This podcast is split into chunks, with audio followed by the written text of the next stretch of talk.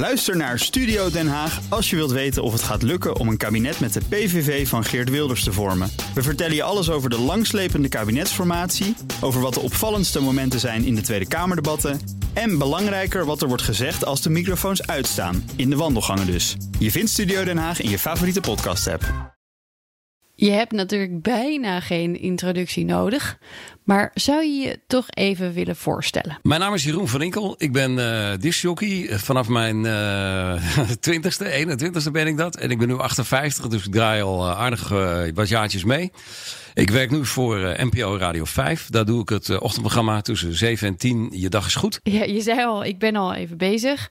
Um, welke route heb je afgelegd tussen toen en nu? Ik heb in het verleden bij heel veel radiostations gewerkt, maar ben begonnen bij Radio Veronica.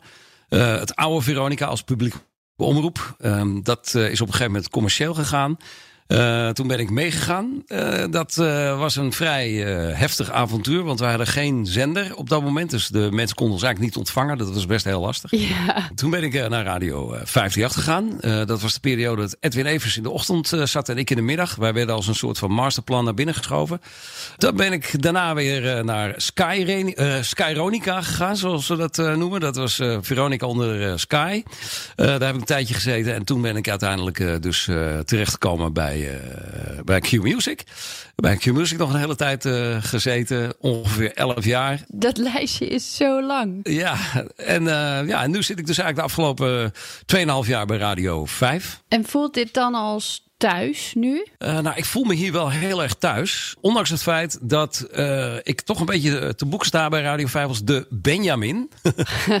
heel apart. Maar uh, ja, de, de muziek bij Radio 5, wat gedraaid wordt, dat begint eigenlijk een beetje in de jaren 60. Eigenlijk eind jaren 50, begin jaren 60. En dat loopt door tot uh, nu, tot, tot, tot uh, vandaag de dag. Um, dus, uh, dus dat is een enorme scala. En dat vind ik ontzettend leuk. Want er is muziek uit de jaren 50 die ik heel leuk vind.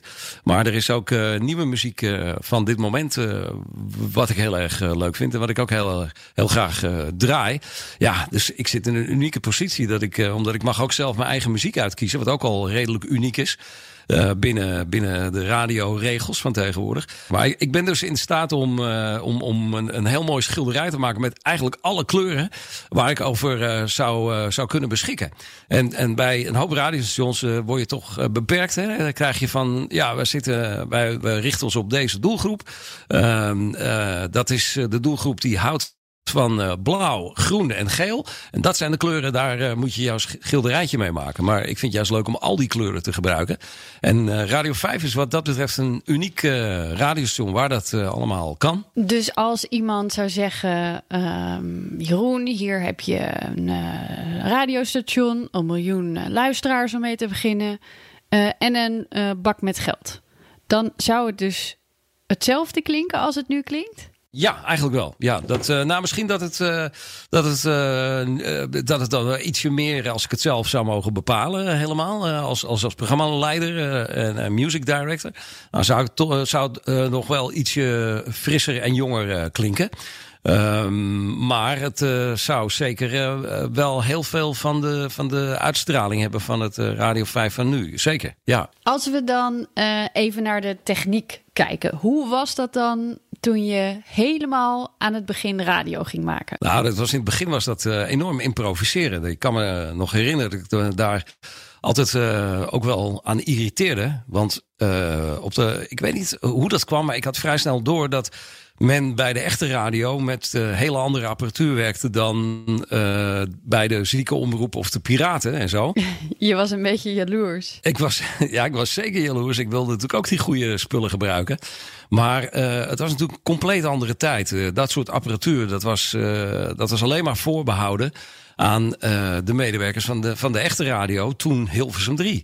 Uh, en ik zag dat op foto's. En je hoorde het natuurlijk ook duidelijk op de radio, omdat die kwaliteit heel goed, uh, goed was van, van de dingen waar ze mee werkten. Uh, ja, ik, dat, ik, ik, ik, was daar echt wel. ik wilde dat ook. Ik wilde ook die spullen gebruiken. Maar bij de ziekenomroep en bij de piraten waren wij veroordeeld tot cassettebandjes. Ja. En draaitafels die heel langzaam op gang kwamen. Hè? Dat was de periode dat alle muziek werd nog van vinyl platen, LP's en singles uh, gedraaid. En met professionele draaitafels, uh, die waren zo ingericht, zo gemaakt, dat die waren binnen, binnen uh, drie, vier tiende van een seconde waren die op snelheid. En dan kon je een plaat, zoals dat heette, scherp zetten. En als je dan je fader openzette, dan begon de muziek meteen. Ja. Nou, dat is natuurlijk een redelijk essentieel onderdeel als je, als je een strak programma in elkaar uh, wil zetten. Nou, bij de, bij de ziekenomroep, uh, daar waren, hadden wij draaitafels die, uh, die hadden ongeveer drie kwart slag nodig om op snelheid te komen. Ja. Dus ja, als je dan, uh, als je dan uh, een plaats strak wil aan laten sluiten op dat wat je zegt, ja, dan moet je rekening mee houden. Hè? Dan moet je dus, uh, dan moet je hem starten. En dan heb je nog even tijd om iets te zeggen. En dan kwam de muziek, weet je wel. Dus dat al dat geïmproviseerd. Maar daar leer je dan vast ook heel goed van praten en supersnel reageren op wat er ook maar gebeurt. Juist, ja. Dat is uh, helemaal uh, 100% waar wat je zegt. Want in uh, retrospectief heb, ben ik daar eigenlijk heel flexibel door geworden. Doordat er altijd wel iets wat met de apparatuur, er ging altijd wel iets fout. Ik werkte op een gegeven moment bij een, bij een piratenstation. Daar was de, de, de, de mengtafel, het mengpaneel, was elke week anders ingedeeld. dus uh, zeg maar, de, de microfoon zat de ene week helemaal uiterst links, op de meest linker schuif. Nou, dan kwam ik een week later en dan zat hij ergens in het midden, weet je wel. Dus er was, elke keer was het weer anders. Dus in dat opzicht zeer irritant op zo'n moment, maar wel ook heel leerzaam. Weet je nog de eerste keer dat je live moest? Ja, zeker. Uh, dat was uh, bij Radio Decibel op zondagmiddag. En ehm, ik was al actief voor ze. En uh, voor de vakantie had ik uh, twee programma's van tevoren opgenomen in mijn uh, slaapkamerstudiootje thuis. En die cassettebandjes die had ik uh, van, die, van tevoren aan die jongens gegeven om uit te zenden. Want zo werkten we toen. Hè? omdat, ja, dat was natuurlijk allemaal illegale praktijken. Dus we wilden natuurlijk uiteraard niet opgepakt worden. en toen kwam ik terug van vakantie. En toen belden ze vrij snel van ja, um, we hebben je bandjes hebben we eigenlijk niet uitgezonden. Nou, daar baalde ik natuurlijk enorm van. Um, maar dat komt omdat wij zitten tegenwoordig, zenden we live uit. En voor komende zondag willen we je graag vragen om te komen naar de Jan van Galenstraat. Boven Snackbar Heko. op uh, vier hoog. Daar op de zolder, daar hebben, wij, daar hebben wij onze studio. Dus kom even uh, live programma doen daar. Uh, ja, dus dat, uh, dat en, en de, nou ja, al dus geschieden. En dat was eigenlijk de eerste keer dat ik echt uh, voor een heel groot ontvangstgebied live op de radio ging. Ja, dat was een unieke ervaring. Dat was echt. Uh, spannend? Ja, spannend. Dat, dat in de eerste plaats. En ook, uh, ook kippenvel. Ook het idee dat, um, ja, dat je op dat moment te ontvangen bent voor zoveel mensen. Uh, dat, uh, dat, ja, dat vond ik echt wel uh, magisch. Die, die communicatie. uiteraard was het ja, eenrichtingscommunicatie. Want luisteraars konden op dat moment nog niet echt reageren. Um, ja, het was, de, was uh, gewoon een kippenvel momentje. En gingen er ook dingen mis? Ging het in één keer goed? Nee, Nee, het ging, het, er ging heel veel mis. Um, want uh, dat was dus uh, een studio van, uh, ik weet nog goed, Eddie Klein heette hij. Dat was natuurlijk niet zijn werkelijke naam, maar zijn discjockey naam bij Decibel. En het was zijn zolderkamer. Hij woonde daar. hij, zijn moeder woonde op drie hoog. En dan had je nog één verdieping en dan had je zijn zolderkamer. Daar zat hij. En daar hadden ze gewoon, hebben ze gewoon een zendertje neergezet, aangezet, antenne op het dak en gaan uitzenden. En uh, ja, dus omdat het zijn kamertje was, um, waren het ook zijn spullen. En um, het was allemaal niet uh, heel erg goed van kwaliteit, zal ik maar zeggen. Weer niet het beste van het beste. Nee, nee, weer niet. Het was heel erg geïmproviseerd. Het, het zat, er zat ook bijvoorbeeld veel brom in het uh, audiosignaal, omdat hij soldeerde zelf zijn stekkertjes. En dat uh, was, was niet allemaal goed gegaan. en van waar, van waar ik zat te presenteren, keek ik naar rechts. En daar stond een, uh, een, een laag tafeltje met zo'n heel dik bordeauxrood uh, café tafelkleed erop. Uh, en daar lag de zelfbouw FM-zender lag daar op. En dan met een touwtje aan het plafond hing er boven een uh, koel fan om de, de zender te koelen. Nee joh, echt? Ja, dat was echt, dat was echt bizar. Ja, ja, dat was natuurlijk nog een beetje behelpen dan. weet je nog het moment waarop je je natuurlijke flow te pakken had? Ja, dat zal. Ja. Nou, dat, dat was eigenlijk ehm, wel eerder. Als ik uh, programma's in mijn eigen slaapkamerstudio uh, maakte. Uh, want ook dat was improviseren. Maar ja, als het je eigen spullen zijn waar je dus heel veel op oefent. Wat ik toen deed. Er ging geen dag voorbij dat ik niet aan het oefenen was. Gewoon een beetje droog doen alsof je een radioprogramma maakt. Weet je wel. Dat opnemen en dan laten terugluisteren. En dan denken, oh ja, dat, kan beter en dat kan beter. Nou, in die situatie dan leer je die apparatuur allemaal heel goed kennen. Dus daar kun je, daar kun je al vrij snel een mooie flow mee vinden. Um, wat er dan gebeurde is, ik had een, uh, een klokje van de HEMA met uh, een kurk achtergrond. Uh, vreemd genoeg, waarom weet ik dat nog? Geen flauw idee. Een oranje secondewijzer en een twee witte wijzers voor de uren en de minuten. En die, die zette ik op de tijd wanneer het programma zou worden uitgezonden wat ik op dat moment aan het opnemen was. Snap je? Dus ik nam iets op voor zondagmiddag 1 uur. Nou, dan zet ik dat klokje op 1 uur. Startte ik de band en dan draaide ik mijn eerste jingle, plaat erachteraan. En dan begon ik uh, aankondiging te doen, nou, enzovoort. Het was uh, grappig, want als ik dan dus helemaal in die uh, flow zat, dan was ik op een gegeven moment klaar. En dan moest ik echt weer even een soort van terug op aarde komen. Van, oh nee, het is niet zondagmiddag 1 uur. Het is, nou ja, noem maar wat, woensdagmiddag 3 uur of zo, weet je wel. Ja. Dus het is dan niet zo dat je achteraf nog heel veel zat te knippen en plakken. Dat deed je dan zoveel mogelijk real time. Ja, ja dat uh, vond, ik wel, uh, vond ik wel belangrijk. Mijn grote helden van toen uh, waren bijvoorbeeld Ferry Maat, maar ook Frits Spits. Um, en die, uh, Frits zat toen met de avondspits elke dag op de radio. Dus ik uh, luisterde elke dag tussen zes en zeven naar zijn avondspits uitzending. En ik, uh, ja, ik weet dat. Uh, ik wist, deze man zit daar gewoon live. Die doet, daar, uh, die doet dat op dit moment. En um, dat was ook gewoon de norm, weet je wel. je moet het wel live kunnen, want anders, ja, dan anders is het niet echt. Ja, beetje hetzelfde als voor een muzikant bijvoorbeeld. Ja, ja, inderdaad. Ja, je moet ook wel de liedjes die, die je hebt gemaakt, moet je ook live kunnen brengen. Ja, ja. En even los van of je bijvoorbeeld een goede stem hebt, of dat je goed kan kletsen met mensen, kun je dan de, de techniek en die flow, dat, dat snelle schakelen, kun je dat leren of moet dat in je zitten? Nou, er is een heel groot gedeelte daarvan is inderdaad uh, te leren. Uh, helemaal doordat uh, vandaag de dag de manier van radio maken, het gereedschap wat je tot je beschikking hebt, is veel gebruikersvriendelijker dan zeg maar wat 25 jaar geleden. Uh, uh, waardoor je dus ook uh, veel meer uh, foutjes van tevoren al kunt uitsluiten.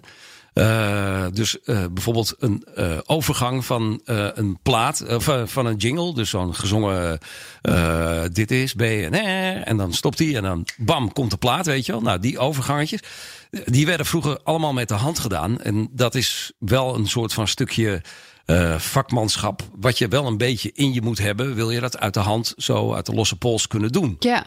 Vandaag de dag kun je dergelijke dingen kun je al helemaal in de computer zetten. Dus uh, dat aspect van radio maken is een heel stuk makkelijker uh, geworden. Ja, waardoor je dus een, een, programma beter kunt laten klinken. Waardoor je dus, uh, ja, waardoor het bereikbaarder is geworden voor, uh, voor een veel grotere groep uh, mensen. En hoe zit het met, met alle live lijntjes, de telefoongesprekken, de instartjes en zo? Want dat moet je volgens mij nog steeds grotendeels zelf doen. Tenminste, bij, bij BNR zit daar wel een, een technicus en een regisseur voor. Dat, dat doet de presentator dan niet allemaal zelf. Uh, nee, in principe niet uh, met een, uh, met een BNR-achterprogramma. zoals wij het op Radio 5 doen, doen we dat wel zelf. Uh, dus uh, als ik uh, wij spreken, nou ja, een telefoongesprek heb, dan schrijf ik die er zelf in. Als ik dan even Piet Paulusma heb met een weerbericht, komt die via een lijn binnen. Die schrijf ik er zelf in. Als ik contact heb met een verslaggever in het land die ergens live staat, schrijf ik dat er zelf in. Hè. Dus al die, al die dingetjes, dat, dat in, in ons geval doen wij dat, dat wel. Maar dat is inderdaad heel erg van de zender afhankelijk. En als we dan kijken naar wat er allemaal voor je in zo'n studio staat, zie je daar nu dan nog iets terug van de techniek van vroeger? Uh, ja, de microfoon. ja, meer niet? Nou, ik moet zeggen, de microfoon op zich, het merk en het type is wel heel erg uh, veranderd. Dus eigenlijk is de microfoon ook veranderd, als ik het heel eerlijk uh, moet beantwoorden. Toch wel? Ja, ja, ja. Alles is wel heel anders. Vroeger had je allerlei apparaten om je heen staan. Losse apparaten die samenkwamen bij het mengpaneel, bij de, de mengtafel. En vandaag de dag is het natuurlijk heel veel dingen die uit de computer komen. Heel veel, uh, heel veel WAF en MP3-files. Ja, je zei het eerder al. Je hebt gewoon veel minder nodig. Uh, ja, je hebt uh, veel minder ingewikkelde techniek nodig om hetzelfde resultaat te kunnen boeken. En dat is, uh, ja, dat is uh, een gunstige ontwikkeling. Het is ook voor de kwaliteit van, van de spullen die je gebruikt. De verbindingen met mensen in het land. de muziek die je draait. is, ja, is, is, is, kan, kan het, laat ik zo zeggen. Het kan de kwaliteit ten goede komen. Er wordt niet altijd gebruik van gemaakt omdat uh, het vreemde is natuurlijk, uh, we zijn in een periode, in een tijdperk terechtgekomen dat we heel veel aan, uh, aan datacompressie doen. En muziek is wordt ook gecomprimeerd hè, door, ehm, ja, doordat we daar veel handiger zijn in geworden door de jaren heen met behulp van bepaalde techniek. En dat houdt in dat eigenlijk wij als mensen heel veel in het, van, van de muziek in het frequentiebereik helemaal nooit horen. En dat halen die technieken halen dat uit het audiobeeld. Hè? Dus bepaalde frequenties die wij helemaal nooit horen, die zitten er niet in. Ja. Uh, die hoef je dus ook niet uit te zenden. Uh, ja, en de, de echte, de puristen, die roepen: nee, maar ho, ho, wacht even, dat kan je er niet zomaar uithalen. Uh, want dat, dat voel je toch of dat hoor je toch. En dat is altijd een moeilijke discussie die ook nooit zal stoppen tussen mensen. De een zegt van ja, daar hoor je helemaal niks van. En de ander zegt nee, maar dat hoor je wel, wel degelijk. Dat is, een, dat is een lastige discussie. Maar ja, dus dus je kan de, de kwaliteit kan je naar beneden draaien, zeg maar, zonder dat mensen er erg in hebben. Ja, ik zeg, als niemand het hoort en niemand heeft het in de gaten, ja, be my guest. Ja, eigenlijk zou je het gewoon kunnen vergelijken met hoe wij foto's naar elkaar sturen. Want 90% van een oorspronkelijke afbeelding, die zit al helemaal niet meer in een JPEG bijvoorbeeld. En dat verschil kunnen we gewoon niet eens zien. Ja, dat is, dat is een mooie vergelijking, precies. Uh, we hebben allemaal uh, grote telefoontoestellen met 4K video en uh, weet ik veel hoeveel pixels opslag. Maar daar, daar zie je op een foto zo, als hij heel klein is, zie je daar niks van. daar, ja, dat is, dat is waar. En de gemiddelde luisteraar zal het dan ook niet zo snel horen als, als dat ontbreekt in muziek. Nee, dat is absoluut, uh, dat is absoluut waar. Wat je, wat je nu ook een beetje ziet, is dat vinyl dus ineens weer wat populairder wordt hè, de laatste jaren. Omdat er toch mensen zijn die op de een of andere manier eh, vinden dat dat, uh, dat het anders klinkt, dat het toch warmer is, dat het er toch meer in zit in zo'n vinylplaat. of ja, ik, ik vind het moeilijk. Ik zet zelf voor de gein thuis. Ik heb uiteraard nog een draaitafel en ik heb hier ook best wel goede speakers. Uh, ik zet voor de gein wel eens uh, bepaalde muziek op van, uh, van vinyl. Ook omdat het, het is een heel leuk ritueel met het uitkiezen. Zo'n LP pakken, dan helemaal uit de hoes halen. je, je zet hem op en, en na 25 minuten moet je weer omdraaien. Dus je bent daar best wel veel meer mee bezig dan dat iets van een harddisk komt. Ja, je neemt er echt de tijd voor. Ja, Precies, je neemt, er, uh, je neemt er echt tijd voor. Dus die beleving is uh, veel, uh, veel sterker. Dat, dat, dat, dat vind ik een van de leuke dingen van het nog wel thuis luisteren van vinyl, maar op de radio. Ja, het heeft gewoon niet zo veel zin. Gebeurt er eigenlijk vergeleken met vroeger veel in de, in een soort nabewerking? Ja, nou ja, kijk, waar we het eigenlijk helemaal niet over hebben gehad, hè, dat, is, uh, dat is audio processing. Audio processing is eigenlijk uh, de, de technische manier waarop met het geluid omgegaan wordt op het moment dat het uit de radiostudio vertrekt en uiteindelijk op de radio terechtkomt. Um, voor degene die er helemaal geen kaas van gegeten hebben. Je kent uh, misschien allemaal wel de loudness knop op je versterker. Als je nog een versterker hebt. ja, dat is de vraag. Hoeveel mensen die nog hebben? Dat is de vraag. Of een stereo uh, verbreding. Spatial stereo zit er soms ook op bepaalde uh, apparatuur. Dat doet iets met het geluid. Waardoor het een, een herkenbaar karakter wordt. En waardoor alle niveaus. dat het het ene moment te hard is. Het andere moment te zacht. Dat wordt er allemaal uitgehaald met audioprocessing. En als je dat doet, dan kun je daar ook um, een, een herkenbare klank aan geven. En dat is best een belangrijk aspect van, van de radio. In eerste instantie was het muziekradio, maar alle zenders gebruiken het nu. Dat komt bijvoorbeeld ook de verstaanbaarheid ten goede. Dus ook bij een uh, nieuwsprogramma met veel praten, met veel telefoongesprekken met veel uh, verslaggevers in het land. Uh, die, zorgt die audioprocessing, zoals dat heet, ervoor dat het, zoals jij het op de radio hoort, het een aangenaam geheel wordt om naar te luisteren. En dat is best ja, dat is, dat is uh, gespecialiseerde techniek. Maar dat is ook wel een belangrijk aspect van de radiotechniek. En gaat dat dan automatisch? Of moet je dat als radiostation nog zelf instellen? Ja, je moet het, uh, je moet het uh, zelf instellen. Uh, dat wil je ook, want dan kan je het ook optimaal naar je hand zetten. Dat is ook wel iets wat je als gereedschap gebruikt. En um, het geeft ook een bepaalde sound mee. Het beste kan ik het misschien vergelijken met een, muzikant die elektrische gitaar speelt.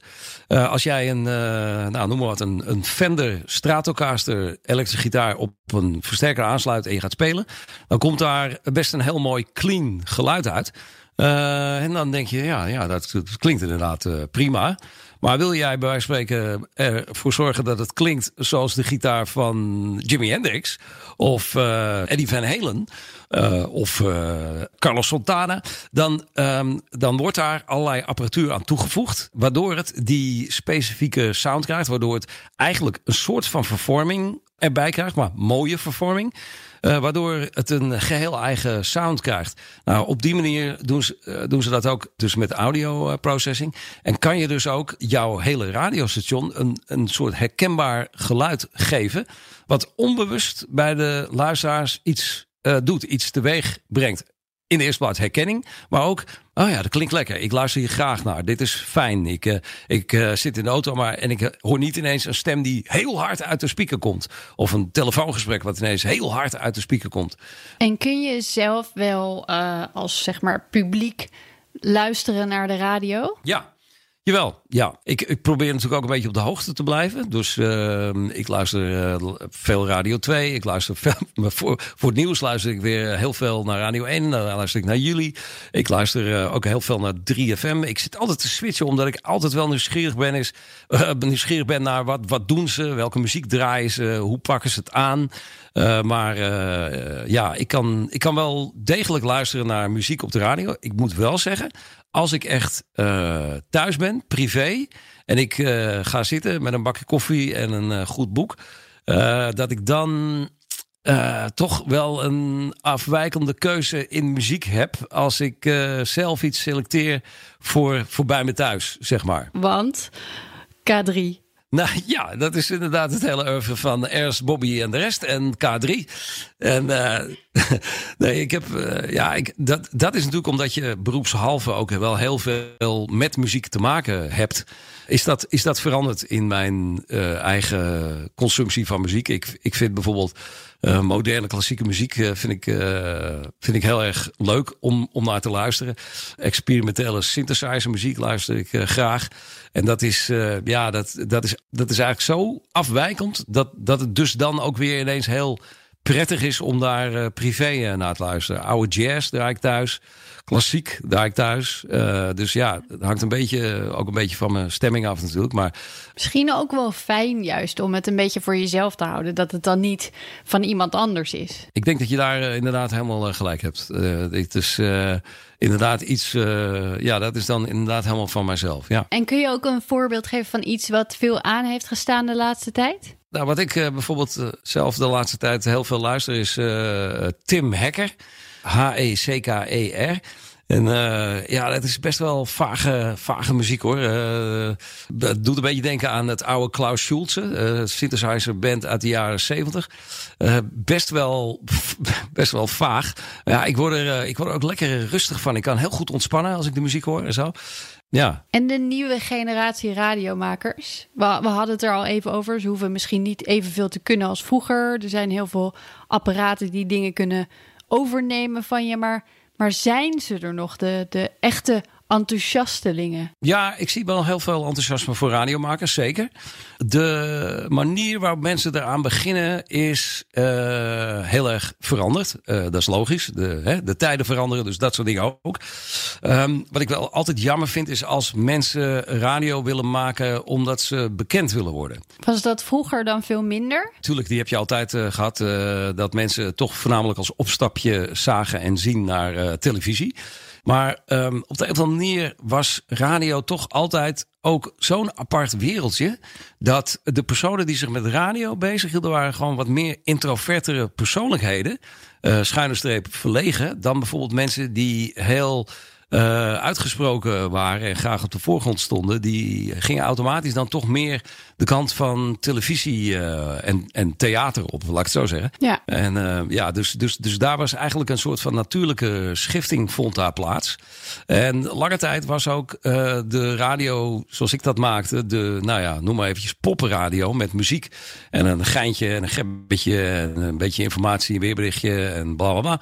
Uh, leuk grapje, een leuk spelletje, een itempje. Die, die radio, die was, daar werd best wel uh, heel lang nog door de andere media uh, minachtend uh, over gedaan. Oh, is dat zo? Niet serieus genoeg dan? Te luchtig. En ja, ik, de, met mensen zoals uh, Felix Murders en Frits Spits is dat heel langzaam is dat, uh, beter geworden. Uh, maar ik zal nooit vergeten dat uh, de grote Sonja Barend, uh, die maakte een televisieprogramma wat, ja, wat natuurlijk in de geschiedenis een hele belangrijke plek heeft ingenomen. Een soort, ja, als je het heel erg kort door de bocht zegt, een soort voorloper van de wereld draait door, maar dan door haar gepresenteerd. En daar werden natuurlijk ook mensen uit de samenleving met allerlei dingen en redenen in uitgenodigd om te komen praten. En zij had toen Frits Spits uitgenodigd. En die kwam bij haar in de uitzending. En toen zat ze daar toch een beetje zo van: uh, ja, draai je dus een uh, plaatje. Ja, en dan, uh, ja, wat doe je dan? Ja, dan kondig je dat dus aan. Ja, ja, ja. Terwijl Frits is Neerlandicus. Dat is een man uh, die denkt uh, duizend keer na over uh, voor hij iets deed toen op de radio. Ja. En er zat, overal zat een gedachte achter. Hij had geweldige teksten die veel verder gingen als het is twee minuten over zo laat.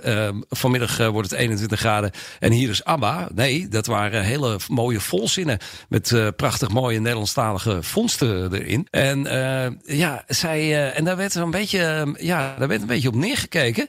En toen zei ze ook nog eens tot overmaat van ramp. Uh, kun je niet even een uh, aankondiging doen hier? Uh, hier is muziek van Tina Turner, ga je gang. Nou ja, dat was natuurlijk, dat werkte helemaal niet. En hoe reageerde hij daar zelf op? Nou ja, de, de arme ziel ging het nog doen ook.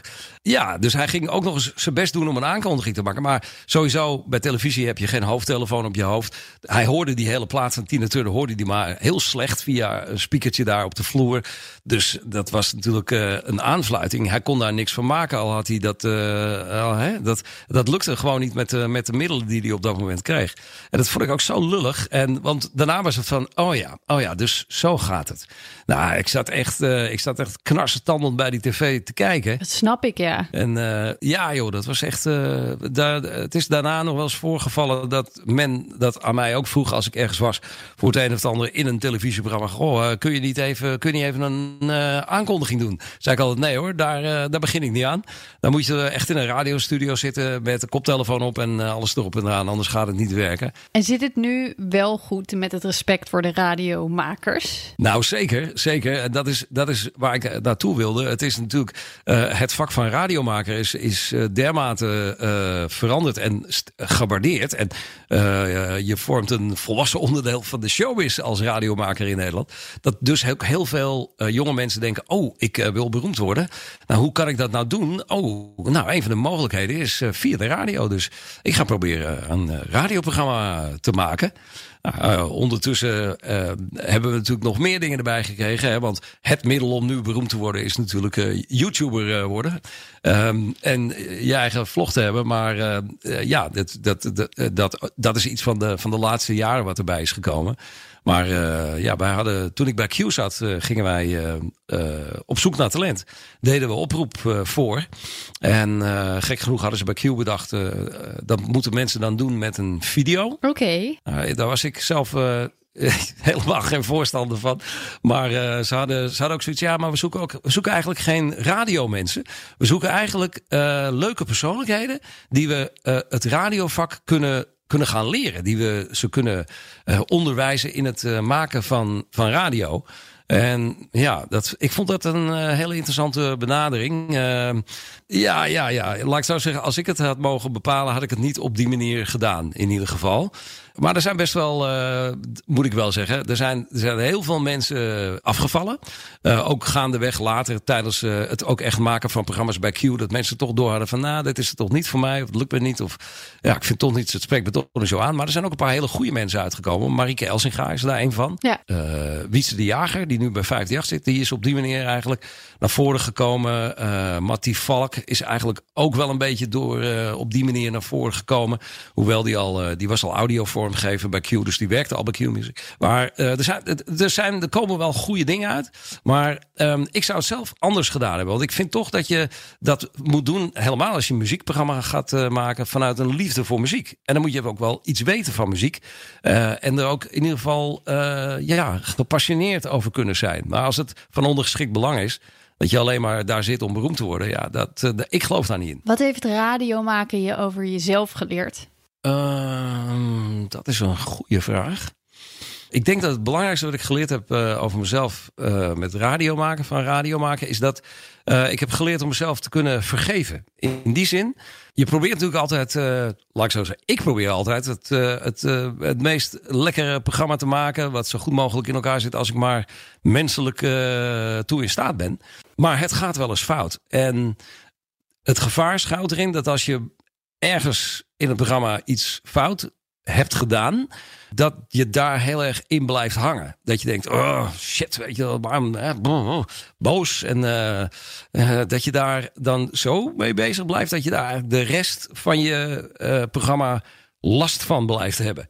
En dat ga je horen. En dan, ja, dat is, dat is voor je, met name voor jezelf gewoon heel vervelend. Want ja, daarna uh, heb je veel minder plezier in het maken van het programma. Omdat je eigenlijk alleen maar zit op te vreten.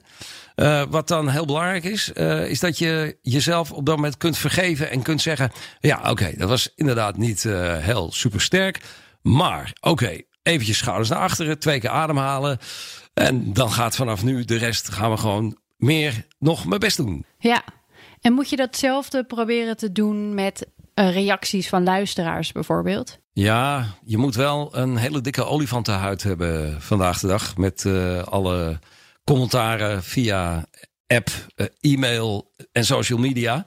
Dat, dat is wel. Ik maak me daar zorg, over voor wat betreft jonge mensen die net beginnen. Die misschien helemaal nog niet die, die dikke olifantenhuid hebben. En die dan enorm enthousiast en uh, vol overgave gepassioneerd uh, ergens aan uh, beginnen. Met hun hele zielzaligheid een programma in elkaar draaien. Om vervolgens tijdens het programma een paar hele lullige Twitter berichten tegen te komen over zichzelf. Uh, ja, daar moet, je, daar moet je sterk in je schoenen staan. En dat is wel een, uh, wel een dingetje. Ja. Dat, uh, daar maak ik me wel eens zorgen over. Voor, vooral ten opzichte van jonge mensen. Ik heb mezelf geleerd daar op. dus ook, ik ben daar ook langzaam in meegegroeid. Vroeger kreeg je alleen een lullig briefkaartje van iemand. Oh ja, dan kreeg je natuurlijk gewoon post nog. Ja, ja, ja. Maar, en dat was, daar was ik dan ook erg van onder de indruk. Als iemand echt de moeite had genomen om een briefkaartje te schrijven. Of soms een hele brief.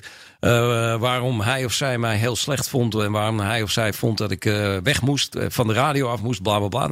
Nou, dat, uh, dat trok ik me wel heel erg aan. Ja, dat was, dat was wel heftig. Maar er zat ook af en toe wel eens iets positiefs tussen, neem ik aan. Ja, ja, ja. Ja, zeker. Gelukkig wel. Dus, dus, dat, is, uh, dus dat, dat, dat vormt dan wel een soort van balans. Hè? En, en uh, helemaal als het overwegend positief is, wat de mensen laten horen. Uh, maar het is natuurlijk altijd die ene negatieve reactie die dan net even onder je huid kruipt en die je dan onthoudt. En bij de volgende keer dat je je radioprogramma gaat doen, en ineens dan schiet het zo in je gedachten en dan denk je eraan terug en dan heb je er toch even last van. Dus uh, dat, is wel, dat is wel een dingetje hoor. Uh, want creatieve mensen zijn natuurlijk ook vaak gevoelige mensen. En het is echt lastig als zo iemand zo volkomen ja, zonder enige rem over jou tekeer gaat. Dat is wel, uh, dat is, uh, daar moet je mee leren omgaan, ja. Zie je eigenlijk tijdens zo'n uitzending wat er allemaal binnenkomt? Of, of zet je dat helemaal uit voor jezelf? Ik lees eigenlijk uh, mailtjes lees ik niet tijdens de uitzending. Of, of appjes die binnenkomen. Ik heb aan mijn producer gevraagd. als jij nou die appjes volgt.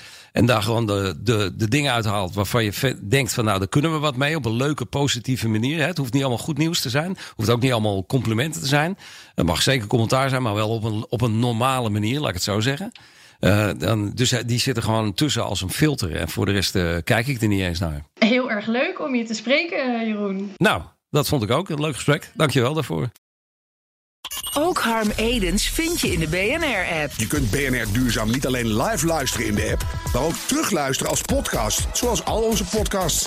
En naast dat de BNR-app Breaking News meldt, houden we je ook op de hoogte van het laatste zakelijke nieuws. Download nu de gratis BNR-app en blijf scherp.